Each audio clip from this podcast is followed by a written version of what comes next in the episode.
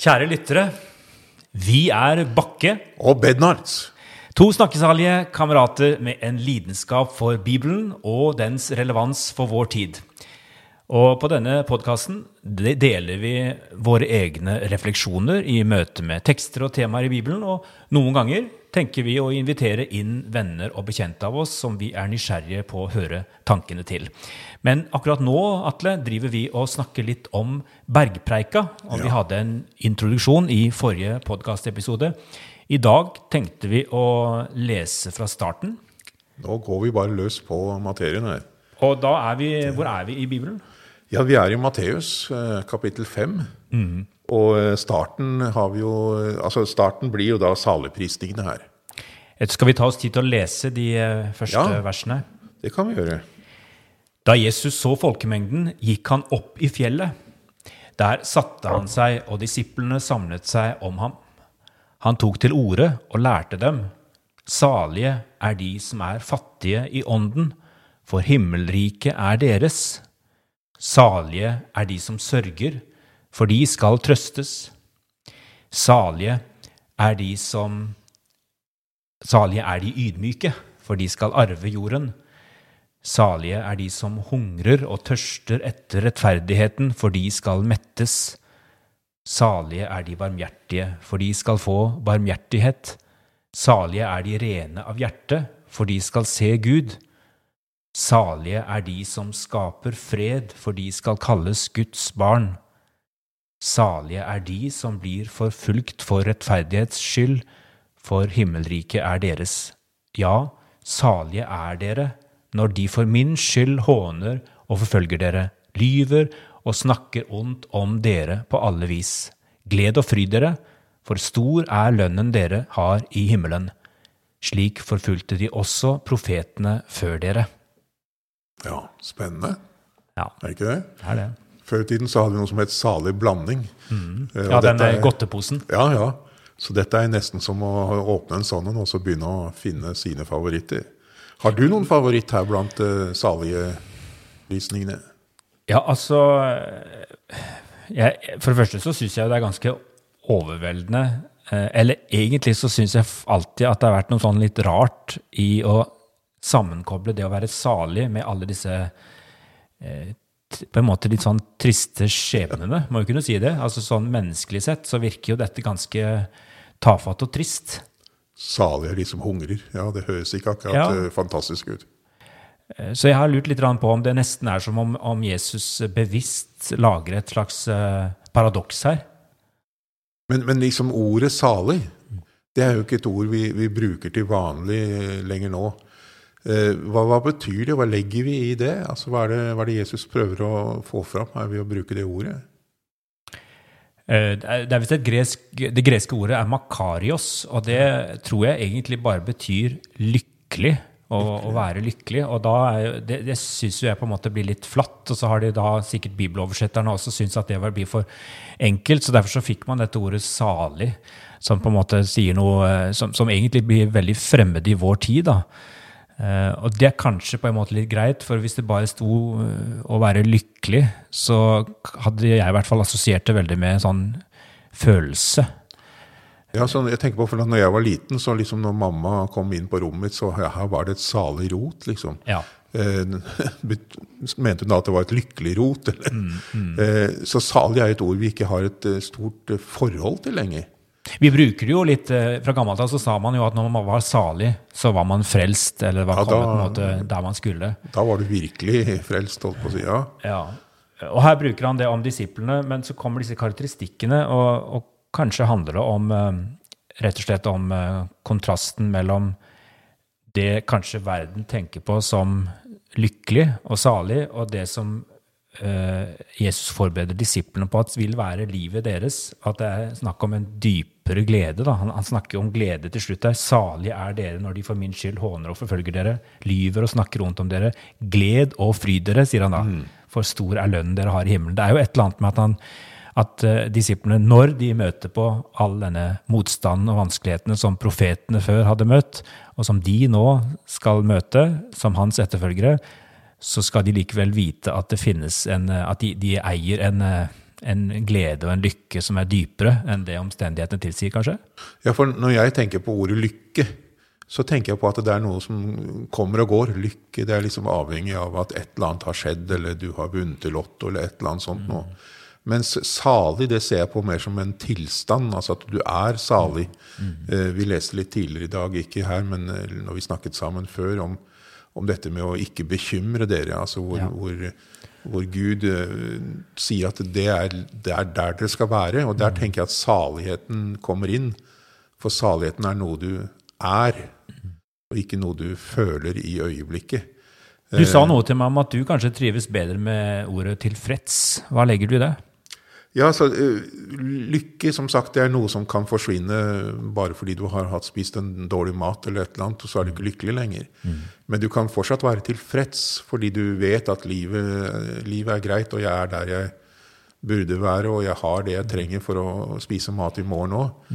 Eh, Så for meg blir lykke mer kobla opp mot en, mot en sånn flytende tilstand, tilstand, mens tilfredsheten det er noe jeg er mer, mer Så i hvert fall når jeg leser dette, så, så ten, leser jeg det ut ifra den, den holdningen at salig er noe du er, mens lykke er noe du kan oppleve fra tid til annen.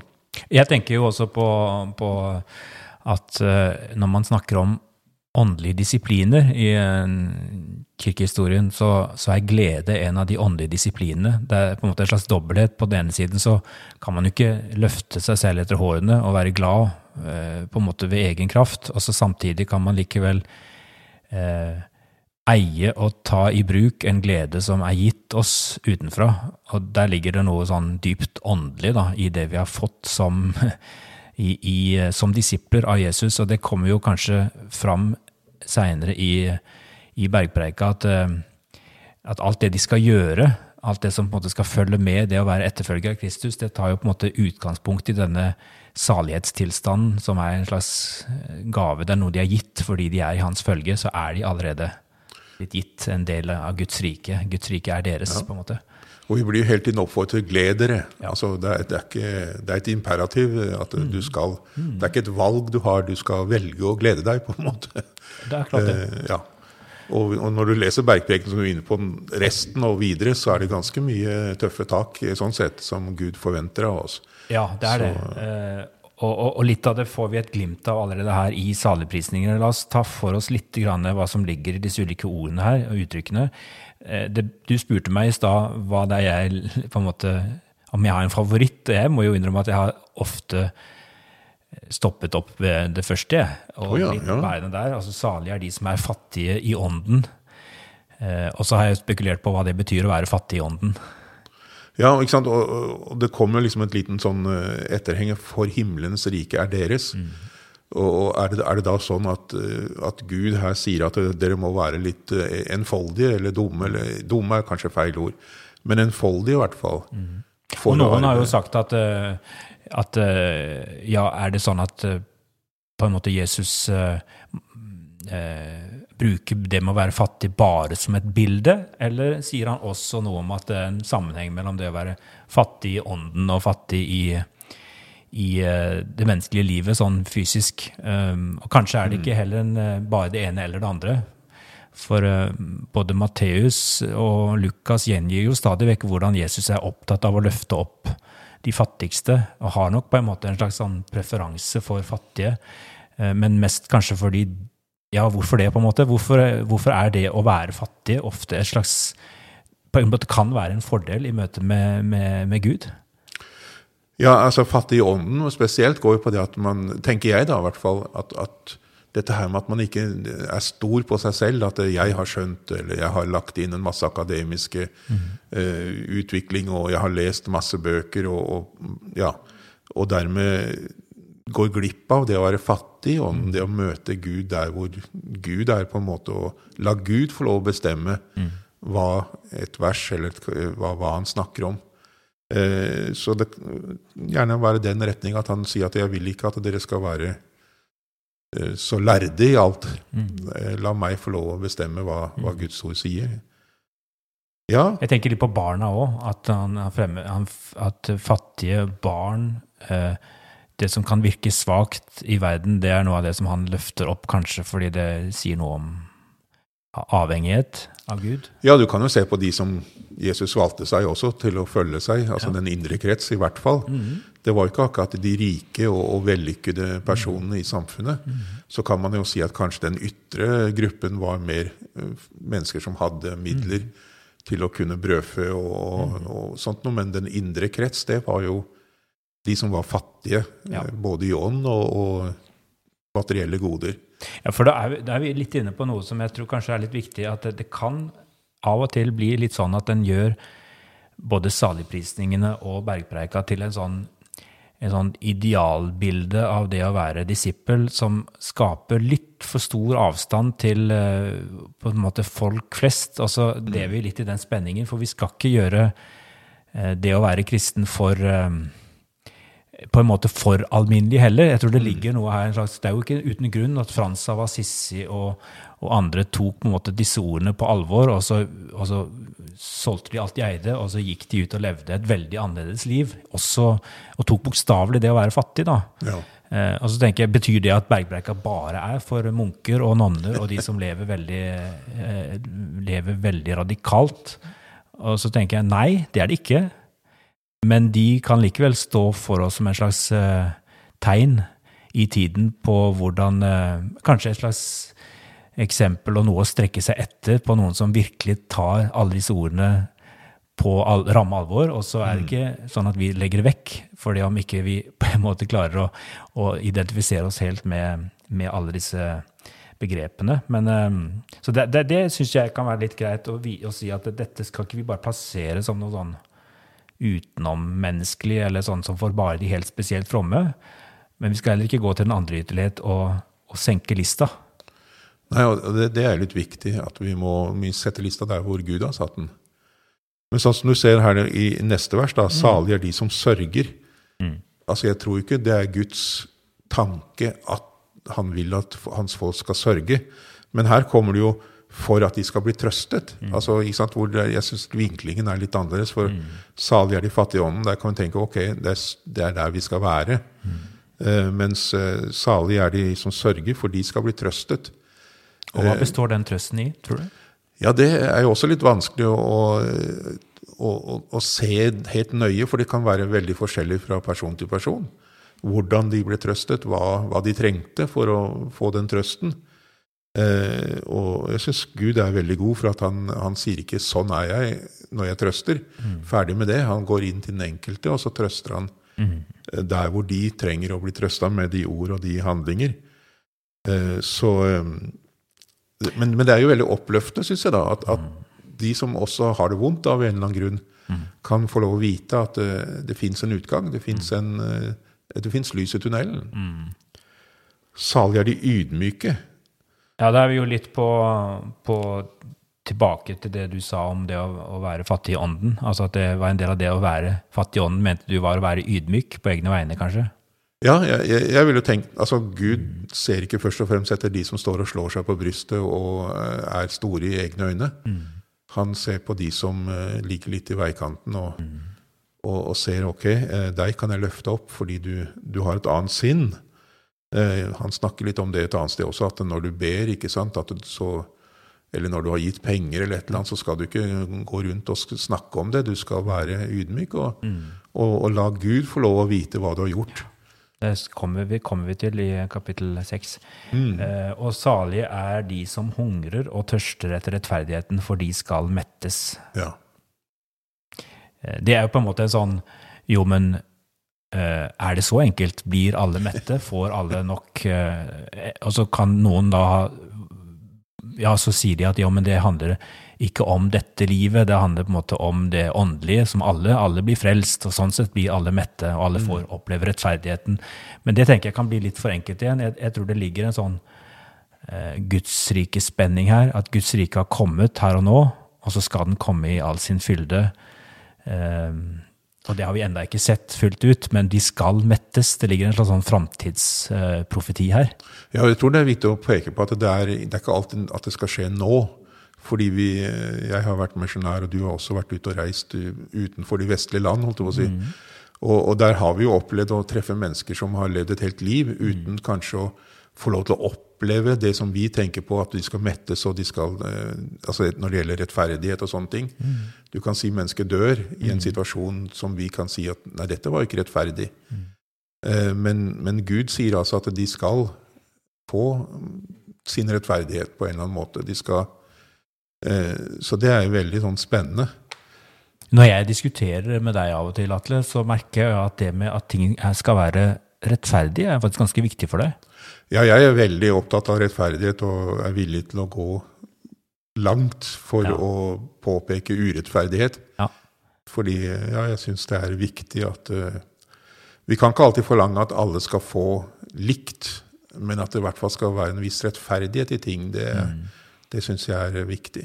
Og, og sånn sett så, så møter Jesus alle som uh, hungrer og tørster etter rettferdigheten, og selv om de ikke alltid får sett det oppfylt her og nå, så gir han på en måte en slags eh, Han gir dem rett og sier 'du skal mettes, du har rett' Mm.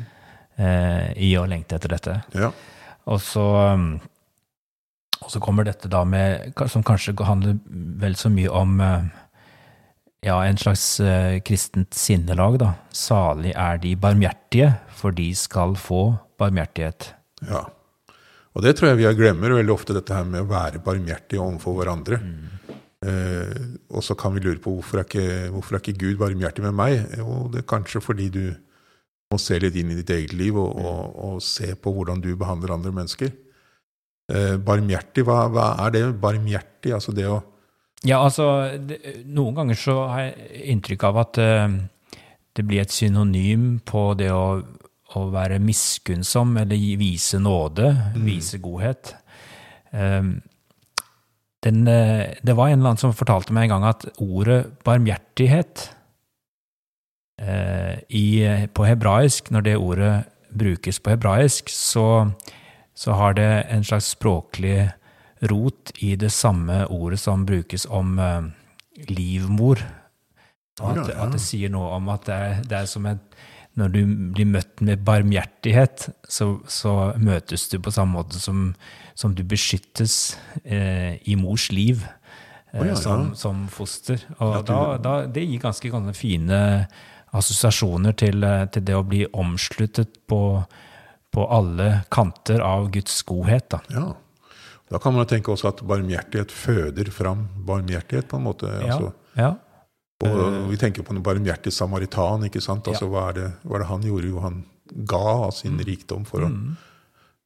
det er spennende. Det er det. Og, og, og så kan vi jo sikkert diskutere om det er sånn at man ikke mottar barmhjertighet før man sjøl har vist barmhjertighet. Og det kan fort bli litt sånn lovisk, men tenker det ligger jo bakenfor her at, vi, at Jesus har kommet først og gitt disiplene en plass sammen med seg, eh, og allerede blitt vist barmhjertighet ved å Altså du og jeg, ved at vi får lov til å være med.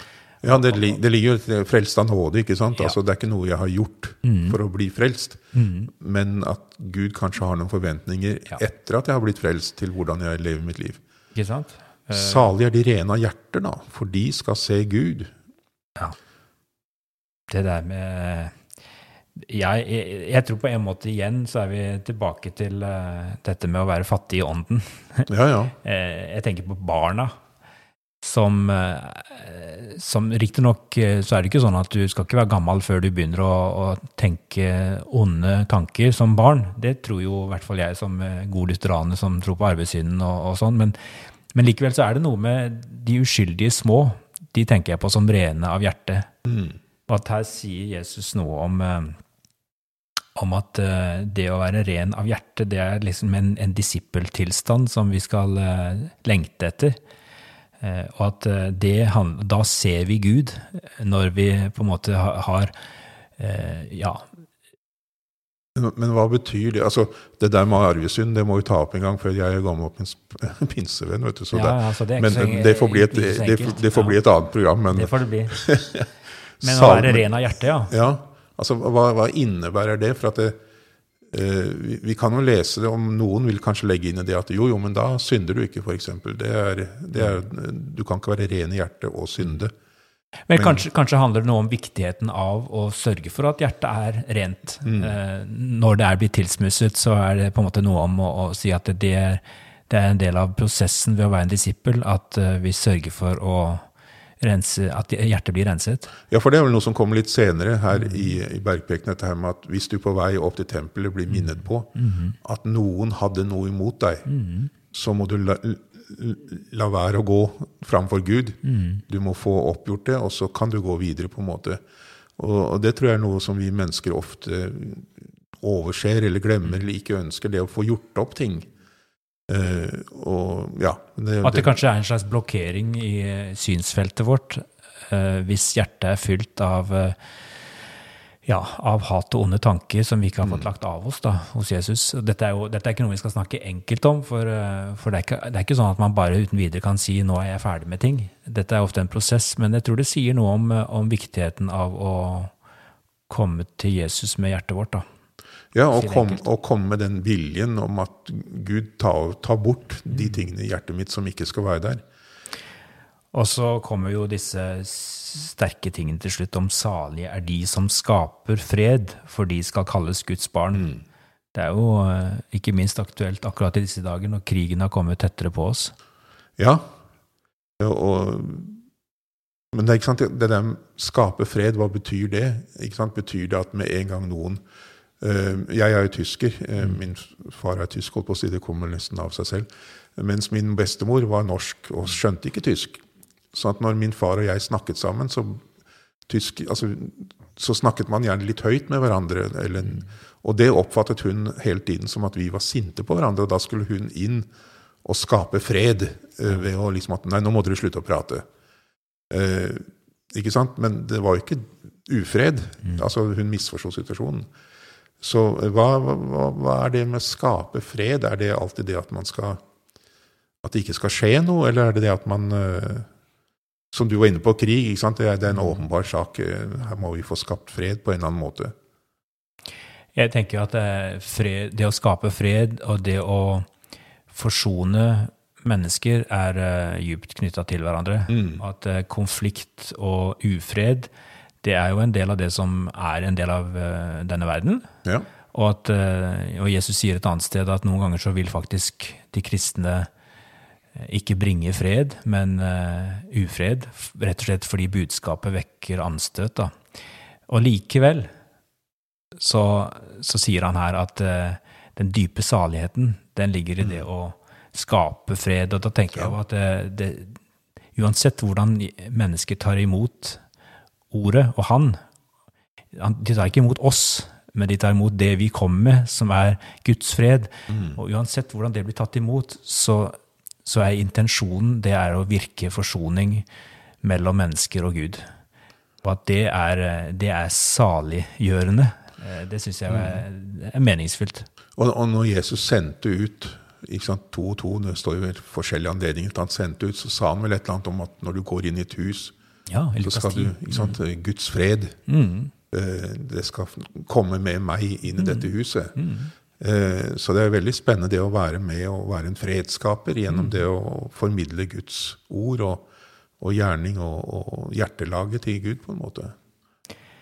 Og til slutt så sier han salig er de som blir forfulgt for rettferdighets skyld, for himmelriket er deres. Og, det er litt viktig å huske på at eh, selv om vi kanskje kan tenke å være forfulgt, det er vel ikke det er vel litt drøyt å si at man blir forfulgt for vår tro i dag. Og det mener jeg faktisk at er, eh, er å trekke det for langt å si at vi i Norge blir forfulgt, selv om mange kan si at nå er vi en minoritet, nå er det vanskeligere enn før.